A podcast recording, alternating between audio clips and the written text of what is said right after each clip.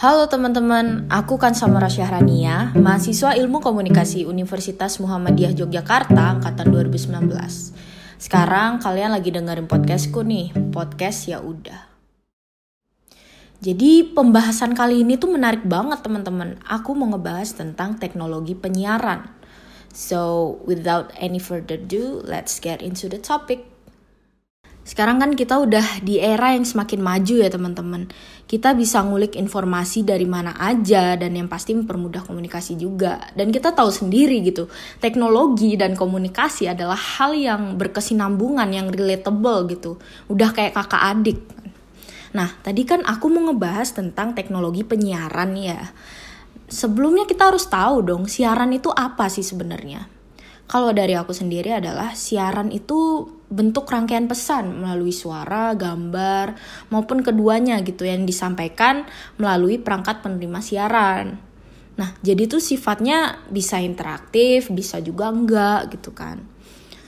Terus um, penyiaran sendiri itu apa sih gitu kan? Jadi penyiaran itu adalah kegiatan pemancar luasan sebuah siaran melalui udara sehingga dapat diterima secara serentak oleh masyarakat. Nah, bisa dilihat di sini kira-kira perangkat apa sih yang bisa menyebar luaskan siaran ini gitu kan. Ya udah pastilah kalian tahu, radio dan televisi. Radio dan televisi. Sedikit sejarah nih teman-teman uh, untuk menambah pengetahuan kalian aja tentang radio dan televisi. Um, jadi dulu penyiaran radio di Indonesia itu pertama kali tanggal 1 April 1933. Jadi pada saat itu SRV uh, eh, untuk kepanjangannya mungkin kalian bisa cari di Google aja ya. Aku soalnya takut salah baca gitu. Jadi SRV ini sebagai penyeimbang Nirom Nah, untuk Nirom sendiri kalian juga cari kepanjangannya di Google biar kalian bisa membaca sendiri karena aku takut salah baca gitu. Takutnya nanti uh, podcast ya udah nih menyebarkan informasi yang salah gitu kan. Takutnya kayak gitu. Biar aman mending kalian cari di Google. nah, itu ya sedikit sejarah tentang radio. Dan sedangkan sejarah penyiaran TV di Indonesia nih pada awalnya itu di tanggal 24 Agustus 1962. Itu sebenarnya untuk menyambut Asian Games. Nah, um, acara TV ini sebenarnya inisiatif dari seseorang bernama Ermaladi. Jadi Ermaladi ini adalah mantan Menteri Penerangan dan mantan Menteri Negara Pemuda dan Olahraga.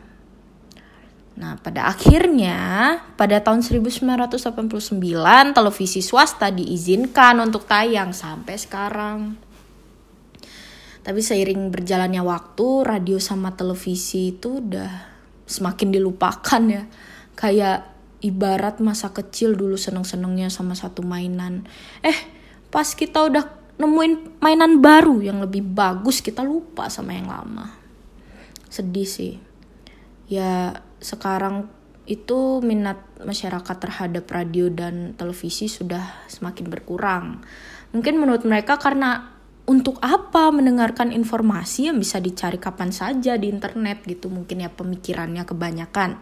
Tapi nggak sedikit juga masyarakat yang masih tertarik untuk mendengarkan radio dan menonton TV. Gitu teman-teman. Jadi ya mungkin segitu dulu ya untuk pembahasan kali ini karena kalau bicara tentang perkembangan teknologi itu emang gak ada habisnya dan sangat infinity gitu. Untuk episode selanjutnya mungkin aku akan membahas tentang karakteristik nih dari radio dan televisi. Jadi masih relate lah sama topik ini ya. Um, biar kalian uh, mencari tahu dulu di Google gitu kan mengulik-ngulik lagi tentang sejarah radio dan televisi. Nanti kalau kalian udah mengerti kan di episode selanjutnya enak dengerinnya gitu. Ya udah sekian uh, podcast hari ini. Terima kasih sudah selalu mendengarkan podcast ya udah. Sekian dari aku, Maura. Aku pamit undur diri. See you on next episode. Bye.